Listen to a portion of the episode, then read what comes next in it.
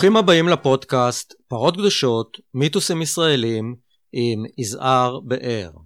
בפרק 29, אחרי 70 שנה, העובדות מאחורי מיתוס מעטים מול רבים במלחמת העצמאות.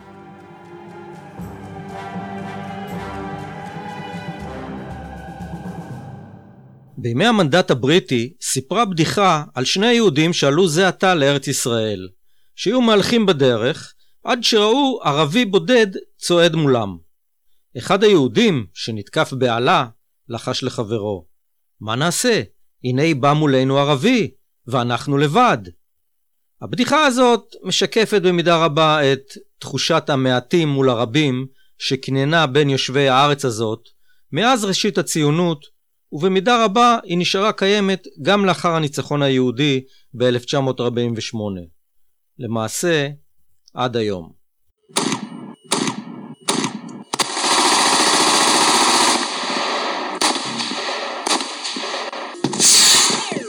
בכל הבירות הערביות סערו הרוחות נוכח האפשרות שתקום מדינה יהודית בחלק מארץ ישראל.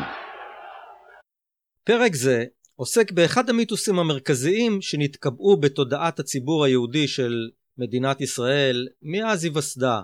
סיפור המתאר את מלחמת העצמאות כמאבקם הנואש אך המוצלח של היהודים המעטים מול הערבים המרובים.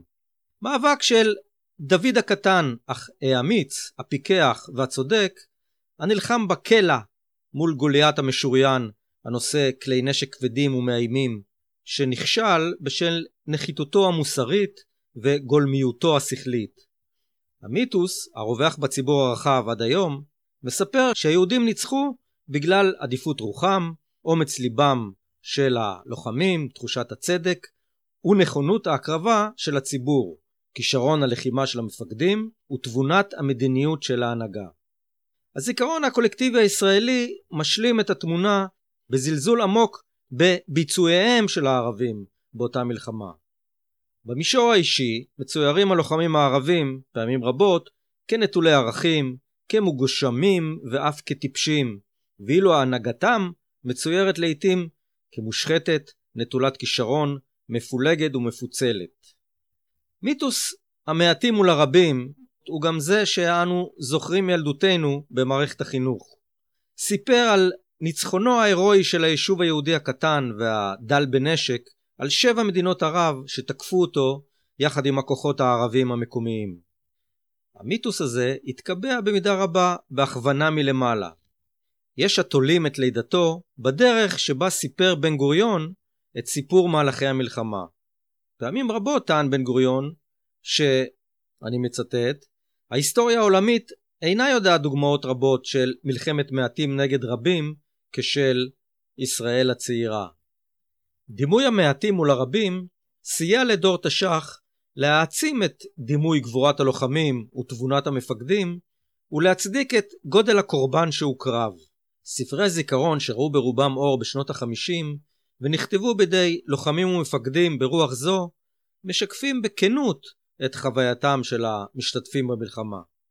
אך כשניגשים לבדיקת העובדות ניתן לראות שבישיבת ועדת החוץ והביטחון ביום 23 לפברואר 1960 הודה כבר בן גוריון במפורש כי ברוב השלבים של מלחמת העצמאות היה לצה"ל יתרון כמותי ולא רק איכותי על פני מדינות האויב. את סקירתו סיכם אל מול חברי כנסת משתאים, אני מצטט, אם כי זה נראה קצת משונה, לנו היה אז צבא יותר גדול מאשר להם. סדקים נוספים במיתוס דוד מול גוליית הופיעו בעקבות ספרו של פרופסור אייל נווה, המאה ה-20 על סף המחר, שבו טען בין השאר על יחסי הכוחות במלחמת העצמאות. אני מצטט: כמעט בכל גזרה ובכל קרב היה לצד היהודי יתרון על הערבים. הן מבחינת התכנון, הארגון והפעלת הציוד, והן מבחינת מספר הלוחמים המיומנים שהשתתפו בקרב. טענות מהסוג הזה העלו בהמשך היסטוריונים נוספים כמו בני מוריס, עמיצור אילן, מוטי גולני, יוסף אלר ואחרים. 70 שנה לאחר לידתה של מדינת ישראל וראשיתה של הנכבה הפלסטינאית, ראוי לחזור אם כן ולבדוק את העובדות באשר ליחסי הכוחות ב-1948. האופסימיסט פנינו למרדכי מורלה ברון שחוקר את מלחמת העצמאות כבר למעלה מחמישים שנה.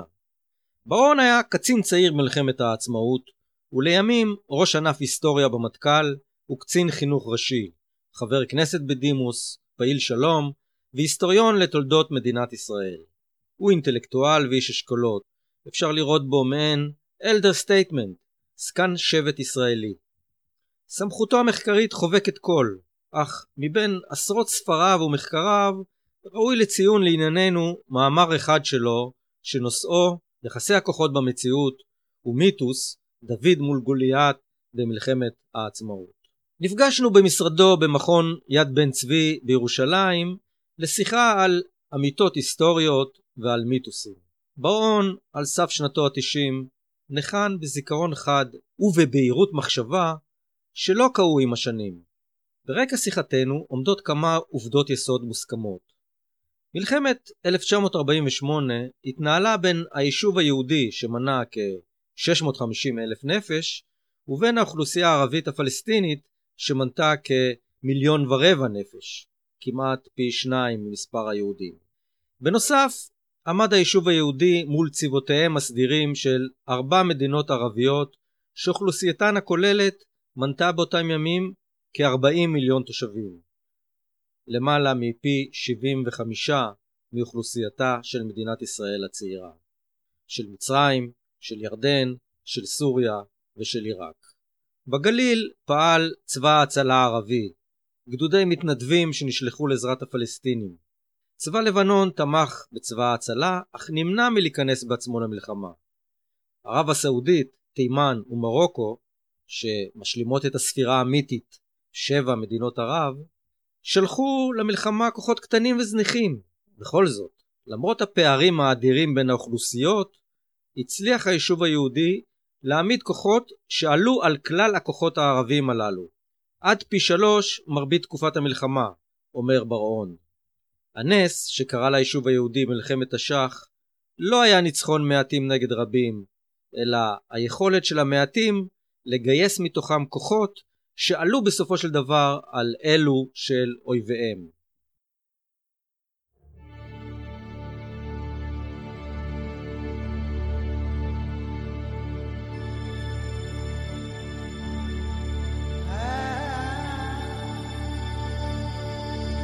אתה בעצם בעצמך אומר שכשמסכמים את המספרים של היישוב היהודי מול הערבים, אז בסופו של דבר היישוב הקטן עמד מול ארבע מדינות ערב עם כ-40 מיליון איש, אוכלוסייה, ובכל זאת היהודים ניצחו.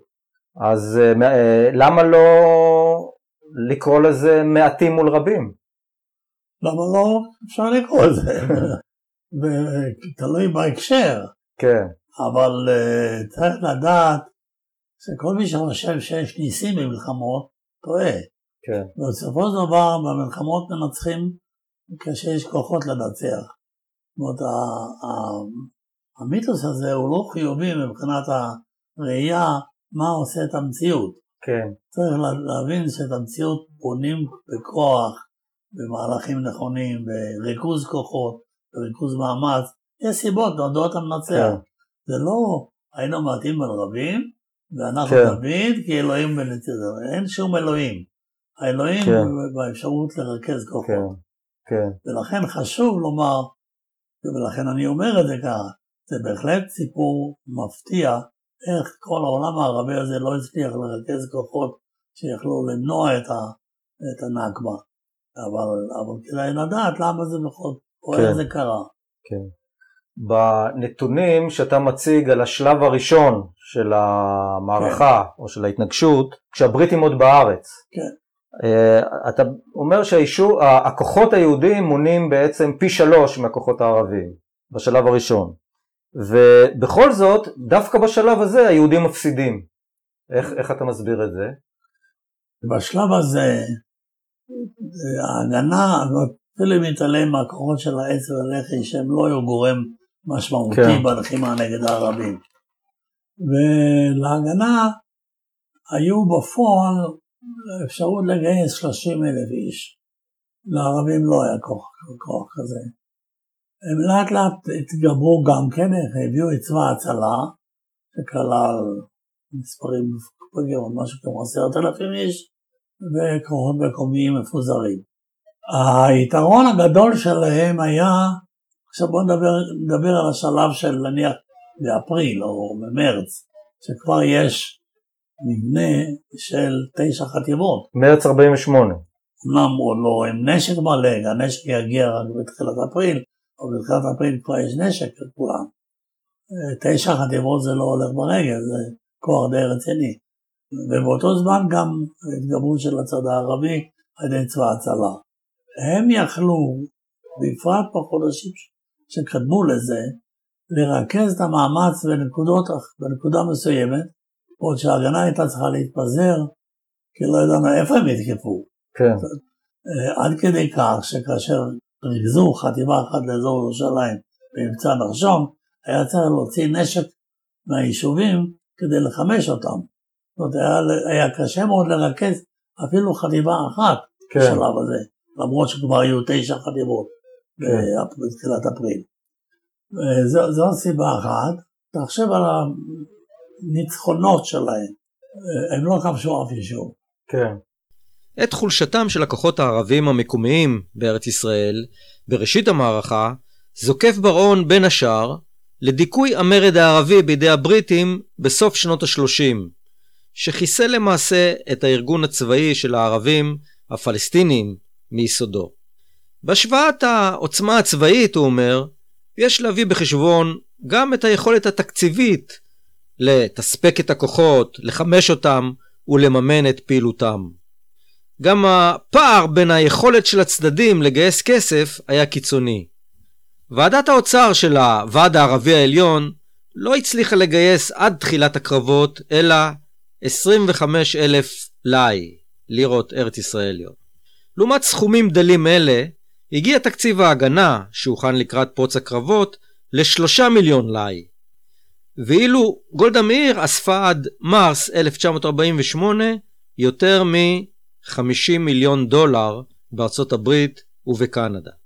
יתרון הכוח היהודי ב-1948 איננו טענתם הבלעדית של היסטוריונים חדשים יהודים, גם הערבים הכירו בעדיפות היהודית סמוך לפרוץ הקרבות. בדוחות הראשונים שהוגשו לליגה הערבית סמוך להחלטת החלוקה, קבע הגנרל העיראקי אסמאעיל ספוואט, ראש הוועדה הצבאית של הליגה, שלרשות היישוב היהודי עומדים כוחות צבאיים ויכולת ארגונית וכספית המסוגלים לה, להכריע בקלות את היחידות הפלסטיניות ואולי גם את יחידות המתנדבים של צבא ההצלה.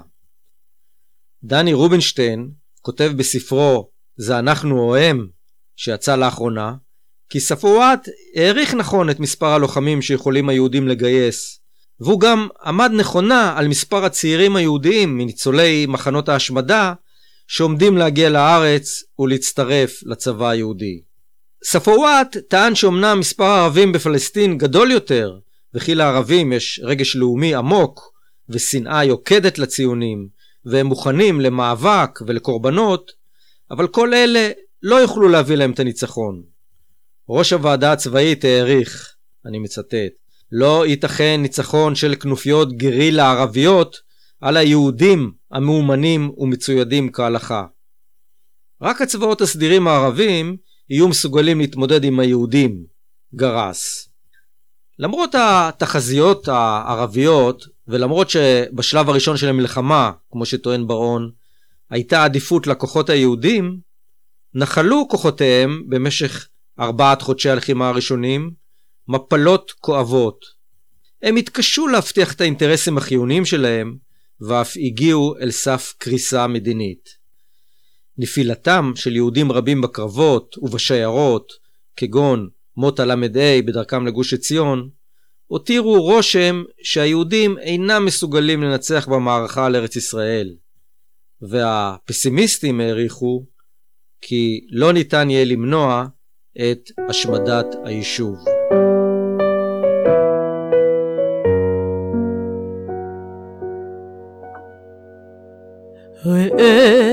הנה מוטלות גופותינו שורה ארוכה ארוכה פנינו שונו המוות נשקף מעינינו איננו נושמים וחווים נגוהות אחרונים והערב צונח בהר. מלחמת הדרכים היה להם ניצחונות. כן, כן, אבל בכל זאת הם מנעו אספקה והתגברו על שלוש אה, שיירות ידועות, חולדה, אה, יחיעם.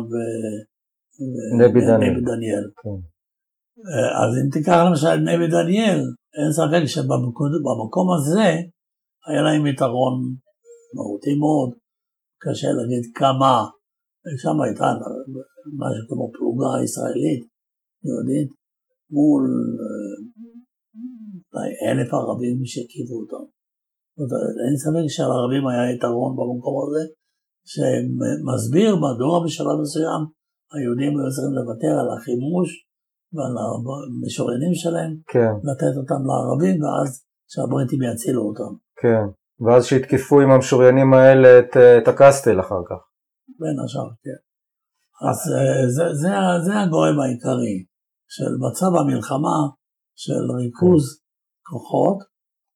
עכשיו, צריך להוסיף שבריכוז הכוחות יש הבדל בזה שצה"ל כבר יש לו כוחות שהם סדירים, לא מגויסים מהכפרים. כן, אז גם נניח אם אתה לוקח את הקסטל או את נבי דניאל, הם ריכזו שם מאות מאות של אנשים, אבל ליום, ליומיים, לשלושה ימים, לא היה להם את הלוגיסטיקה לקיים את הכוחות האלה באופן קבוע. כן, ולכן בשלב מסוים כשאתה מתחיל לצאת להתקפת נגד, והבריטים מאפשרים לך לכבוש עזר, שטח, זו הסיבה השנייה שאנחנו, כדי להתגבר על הבעיה של הדרכים, היה צריך לכבוש אזורים.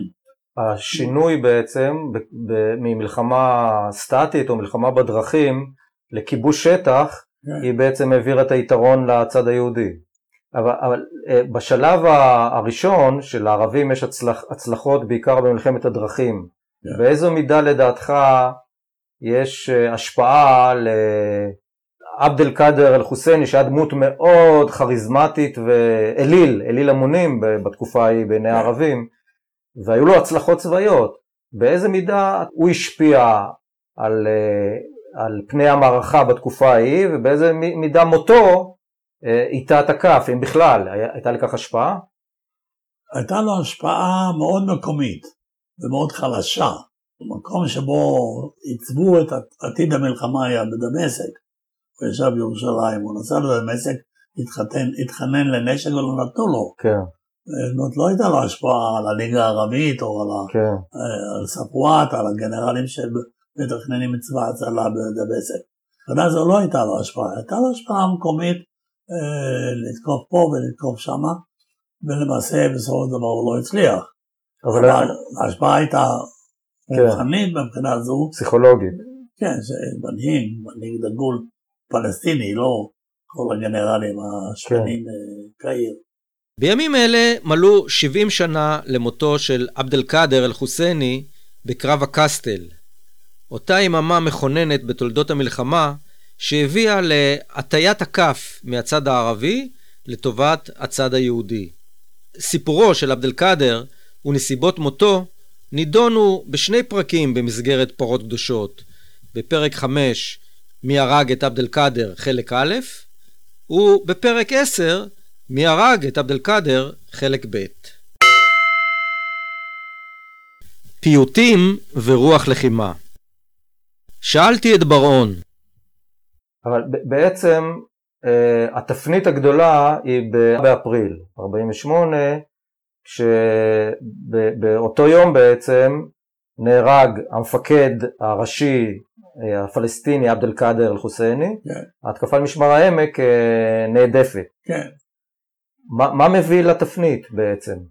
למה לא לפני או למה לא אחרי? הסיבה העיקרית היא שהבריטים לא מתערבים יותר, אבל בשלב מסוים אה, הבריטים מפסיקים לגרש אותנו מהמקומות שכבשנו. כן, הקסטל הראשון, ובסופו של דבר בסביבות של משמר העמק, שבאה התקפת הנגד של יצחק שדה, הם כבר כובשים כפרים ונשארים בהם. כן. זה, זה בעצם המעבר כן. העיקרי. אם אנחנו מגיעים לשלב של הפלישה של צבאות ערב אחרי הכרזת המדינה, שלב הבלימה, כן. אז לגבי יחסי הכוחות יש כל מיני גרסאות, אבל אי אפשר להתווכח שהיה יתרון גדול לצד הערבי בכוחות משוריינים, בארטילריה, בחיל אוויר, שכמעט אה, לנו, לצד היהודי לא היה בכלל. למה בעצם קשה, קשה להגיד, או קשה לך להגיד, בשלב הזה, שזה דוד מול גוליית? כי אני היסטוריון, אני לא עוסק בפיוטים. אה, דוד מול זה פיוט, מה זה דוד? מי זה דוד? כן. כמה זה דוד, כמה זה גוליית, מי- כמה טנקים הוא צריך גוליית. אוקיי, אבל, אנחנו לא, מדברים לא, על אבל יחסי כוחות. תשובה רצינית לשאלה שלך. בח- בחודש סוף מאי ויוני, זה הזמן היחידי שבו היה לערבים יתרון מוחץ, לא רק בגלל מספר הטנקים, אלא בעיקר- כן. בגלל זה, בגלל זה שהם יכלו לרכז כוחות בנקודות מסוימות. תראה, הזיכרון של מעטים מול רבים שיש לכל הציבור, אתה מדבר עם קהל של ותיקים, תגיד, זה לא היינו מעטים מול רבים, הם מתקוממים ממש. כן, זה אוכל להם את הלב. כן, גם מפני שזה פוגע בגאווה שלהם, אבל גם מפני שבזיכרון שלהם יש מצב, לרובם יש מצב שהם עצמם, או, או שסיפרו להם במקור ראשון, שהיו התקפות שבהם הערבים היו רוב. אתה חושב על גדוד שלם שמתקיף 40 איש בנירים, כן, אז אין ספק, רבים מול מעטים, רבים מאוד מול מעטים, או אפילו גדוד שלם נגד ניצנים. אה, אפילו ב... גם אתה חווית את ה, באופן אישי את התחושה הזאת ב-48? מאוד מאוד, מאוד מאוד. אני ישבתי, סיפרתי לך שהם הגיעו לאשדוד, כן, אז הושיבו אותי בעיינות. כן, בלילה הזה אני כמעט עשיתי במכנסיים מרוב פחד. כי הייתי מ"מ קצין צעיר, סידרתי את מה שאפשר היה לסדר, קצת חפרנו באדמה, היה שם איזה פיאט אחד, והלכתי לישון, חשבתי, הייתי בטוח שמחר בבוקר באים הטנקים וזה היום האחרון של חיי. לא היה לי ספק בזה בכלל, אלא שהם לא הגיעו. כן, וגם אם היו מגיעים, אני לא בטוח אם זה הסוף סוף ימיי. אנחנו רצינו להילחם, אבל שלא יהיה במקומות רבים, למשל נירים נלחמו כן, והביסו מעטים מאוד את הרבים האלה. בראש ובראשונה בגלל הריכוז, ריכוז הכוחות הזה. על כל פנים, אה, ובטנקים צריך, גם כן, לערבים היו טנקים מפוקששים, ולא הרבה. כן, היה לנו אה, תחושה שאני יודע כמה טנקים יש להם. וכשהיו טנקים אז בנגבה ובדגניה עצרו אותם. שם היו טנקים ממש. אה, אז אפשר, זה לא היה יתרון כזה שפלא שהתגברנו עליו. אבל היה יתרון, אין ספק. מה שחשוב לומר, ואפילו בשלב הזה, מספר החיילים שהצבאות ערב אה, הביאו, יש ויכוחים, אתה אומר, מי, מי היה יותר? ויכוחים טיפשיים, מפני שגם אם זה היה 43 אלף וההוא היה 38 אלף, זה פחות או יותר כוחות במספרים שווים. הבעיה הייתה ריכוז הכוחות. אז מה הכריע? מה הכריע בסופו של דבר?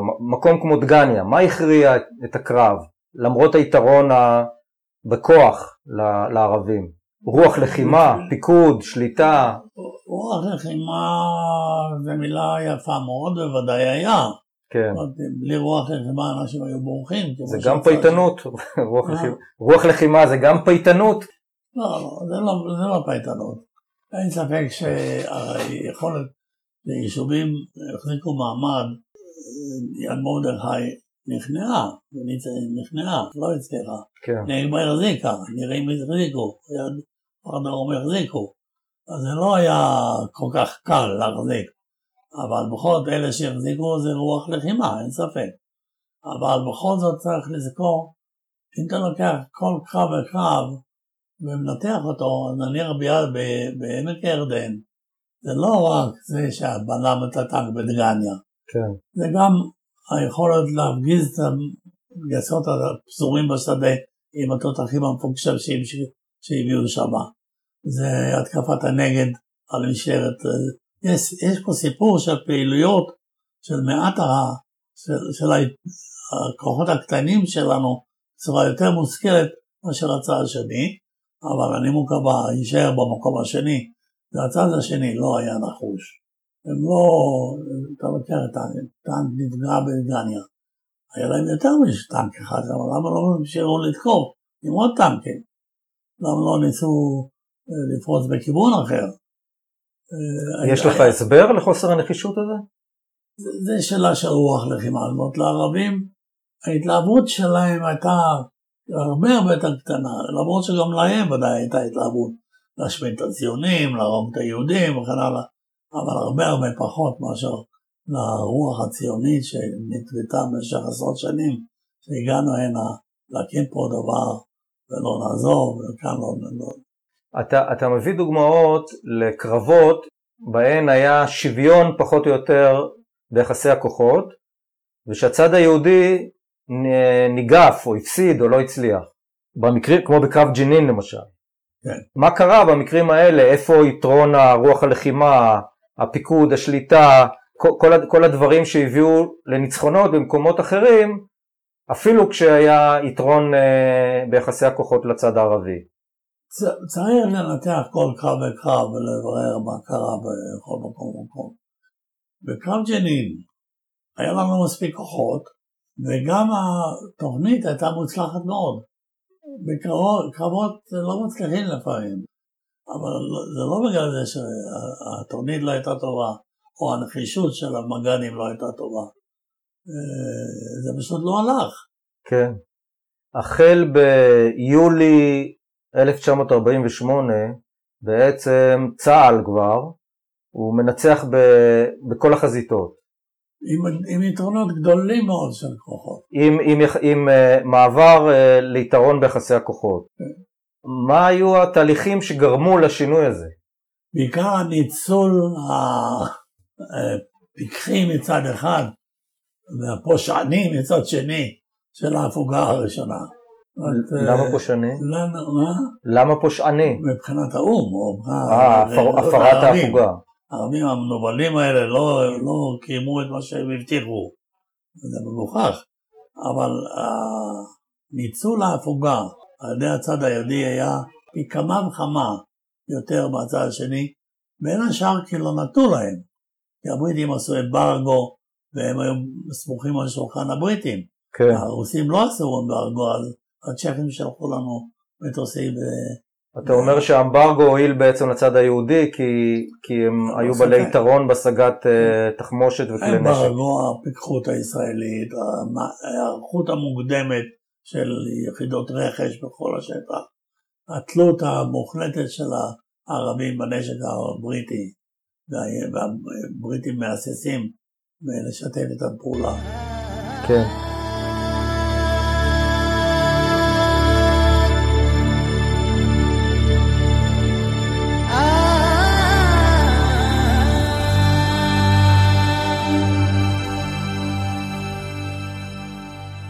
ההיסטוריוגרפיה הציונית עוסקת רבות בלוחמים הזרים שהצטרפו אל הכוחות הערבים ב-1948.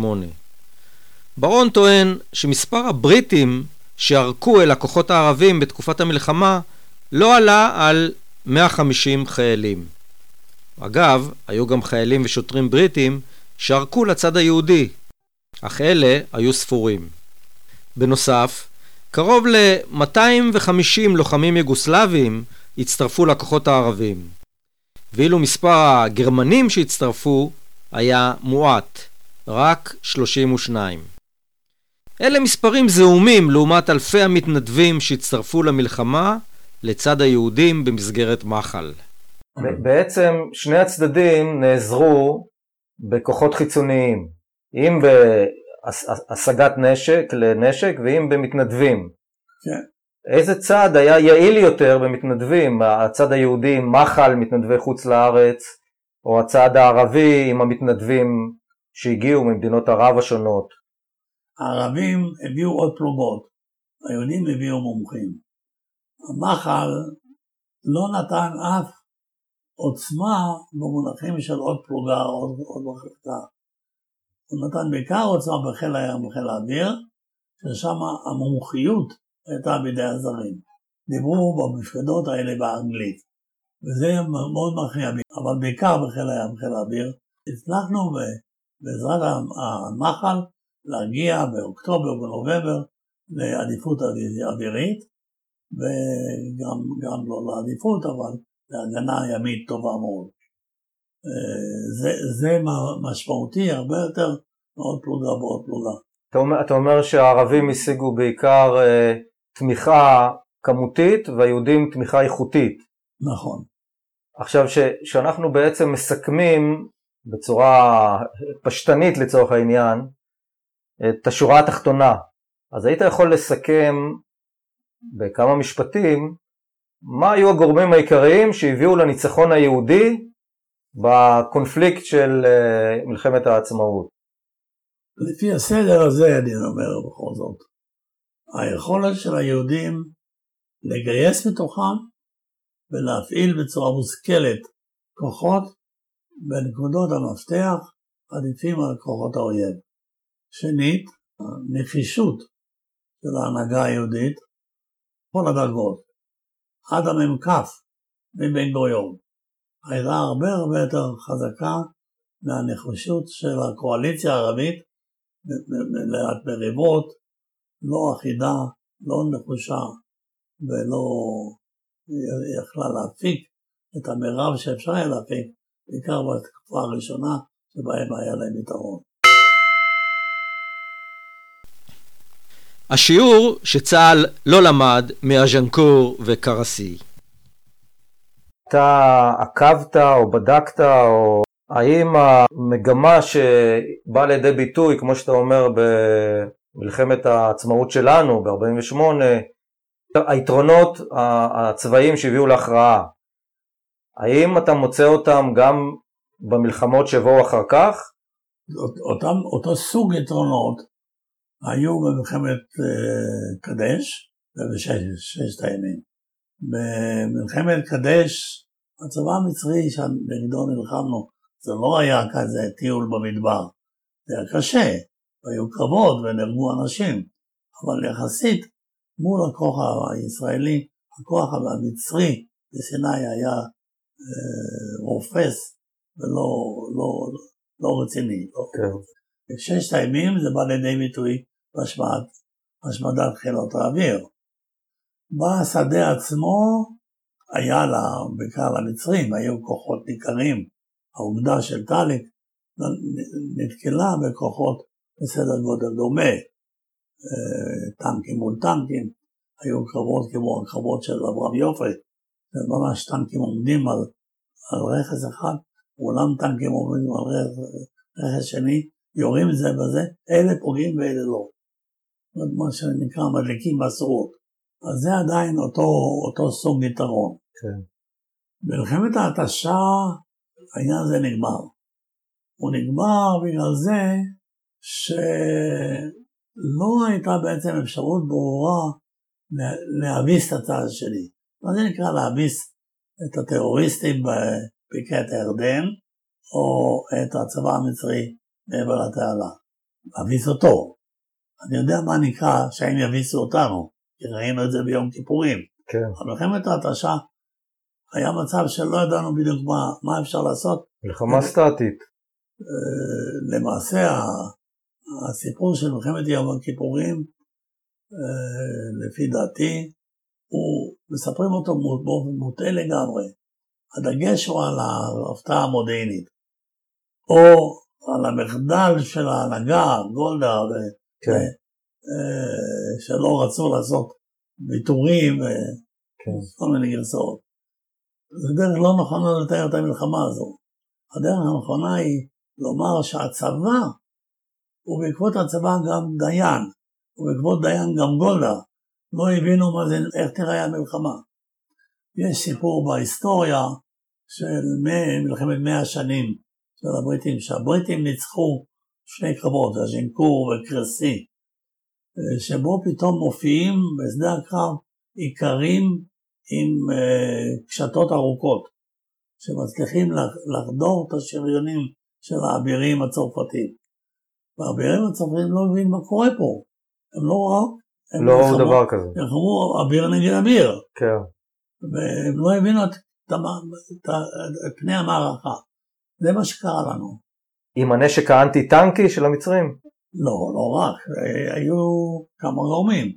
האסון העיקרי של המלחמה, גולדה אמרה לעצמה מה שאמרו לה כל הזמן, מלחמה זה לא נורא, אפשר לחיות עם מלחמה, אנחנו לא צריכים לעשות שום שלום, ונשאר בשער המשך כי זה יותר טוב, גם אם תהיה מלחמה קטנה ויהרגו כמה מאות ילדים, לא שלושת אלפים, לא את שלושת אלפים. אבל שאתה- שאתה אומר שדדו לא הבין, זה, זה בגלל האטמוספירה הפסיכולוגית ה- שהייתה באותו זמן.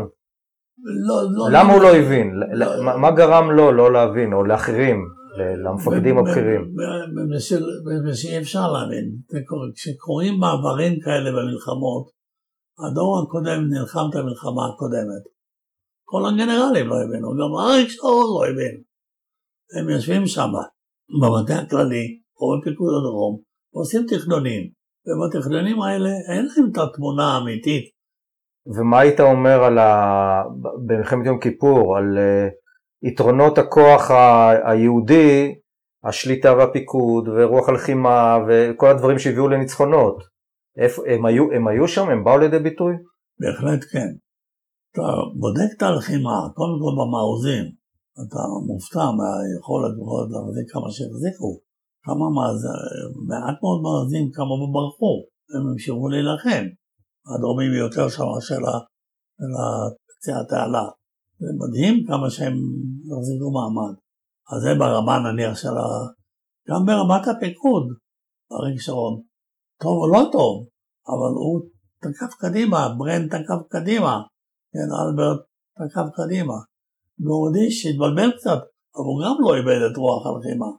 מה שלא היה זה אה, אחדות דעות.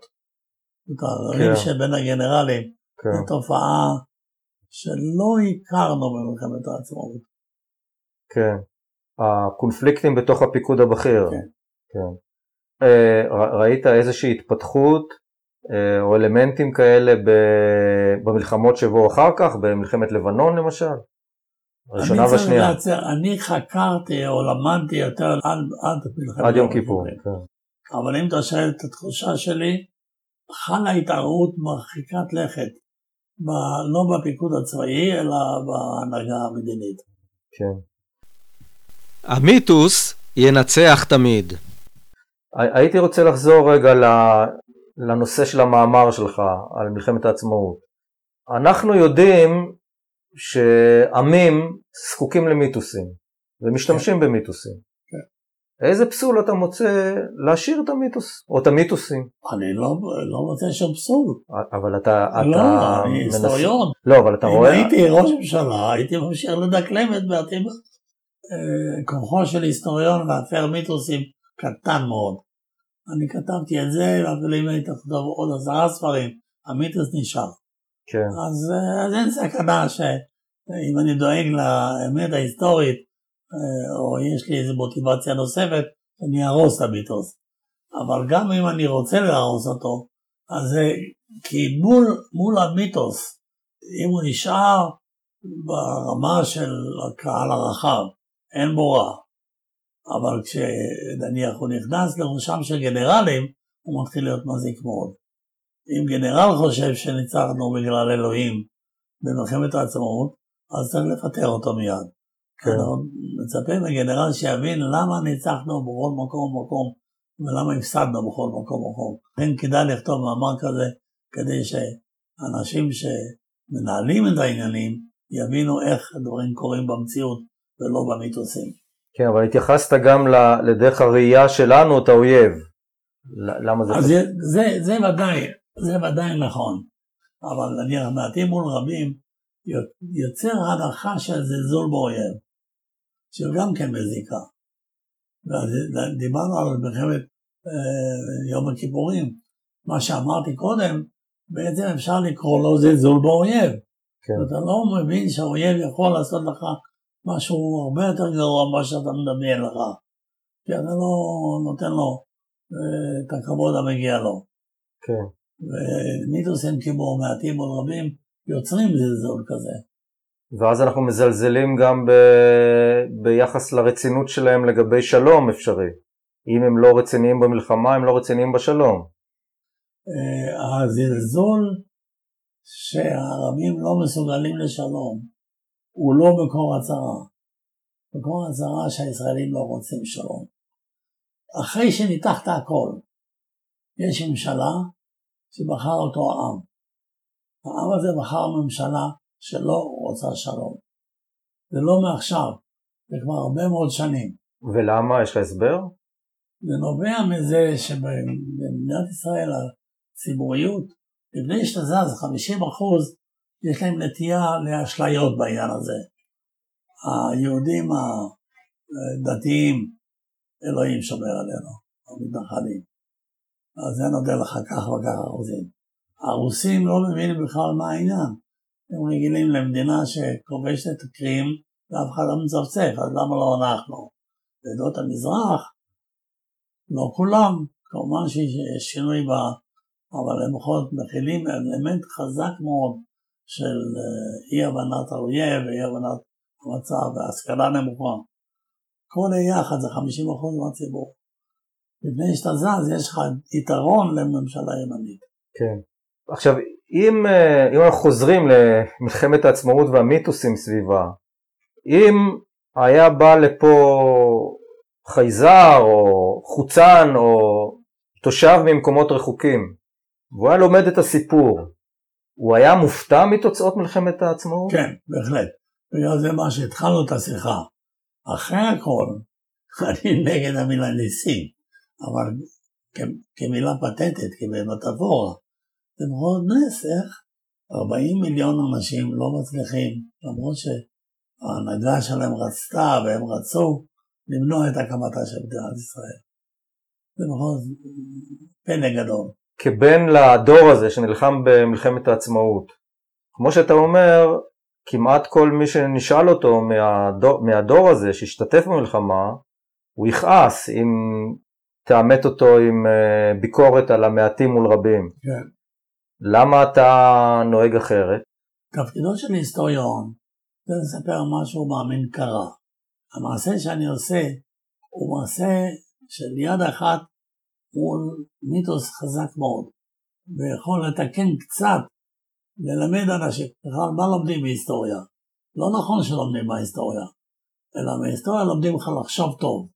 אז מאמרים כאלה, כוונתם ללמד את הקורא בעיקר את האליטות, לחשוב יותר טוב מה קרה, ולהבין יותר טוב מה קרה. אוקיי. אה, אמרת, אמרת קודם שאתה חושב שהיסטוריונים וספרים לא משפיעים.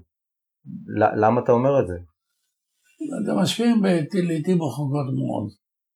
אני לא יכול לומר שכתבי הפילוסופים הצרפתיים לא השפיעו על האליטה הצרפתית, השפיעו מאוד.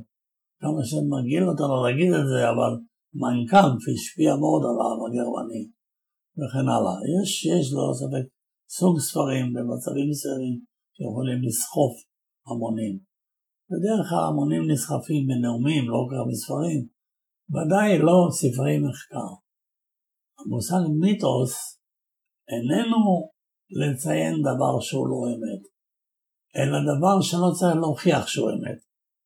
וזה כוחו. הוא יכול לכלול בתוכו הרבה מאוד חוויות אמיתיות, ואם נחזור למחדר השחרור, כל אחד מאיתנו שחיית את הל"ה, לא היית צריך להיות על הגבעה הזו להרגיש בזה, אלא מספיק שקראת את העיתונים במשך כל אותה תקופה, וראית את הדימוי הזה של 35 חבר'ה עם נשק לא טוב עומדים מול מאות ערבים ונהרגים אחד אחד עד, עד כלות הנפש. זו חוויה אמיתית.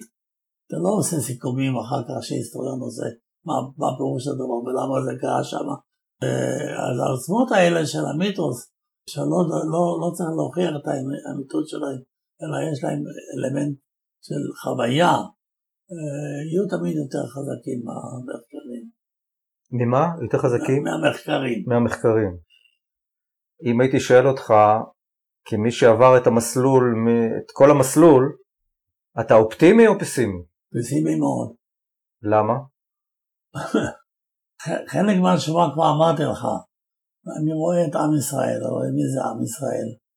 כדי להזיז אותו ממקומו, יש בשמאל שמקווים שיהיה כל כך רע, אבל קודם כל, גם, גם אם יהיה רע, יש לנו כלכלה ועם שיודע לחיות חיים ולייצר חיים באופן יוצא מן הכלל. אותו עם עצמו שיוצר מלחמה, ממשלה ימנית מטופשת ואיוולת, אה, לא, לא, אז זה לא כל כך קל להביס את העם הזה ולהזיז אותו, להבין שהוא עושה, שהוא הולך בדרך לא, לא דרך.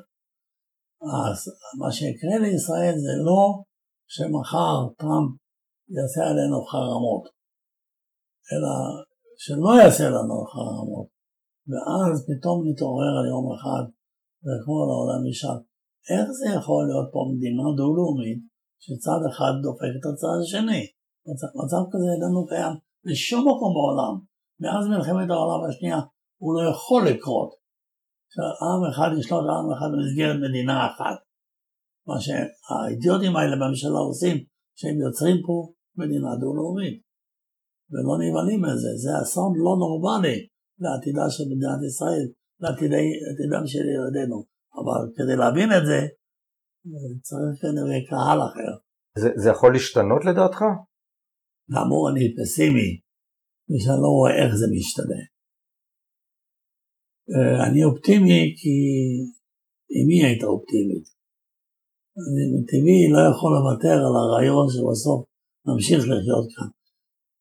והראיה שלנו חיים יפה מאוד. כן.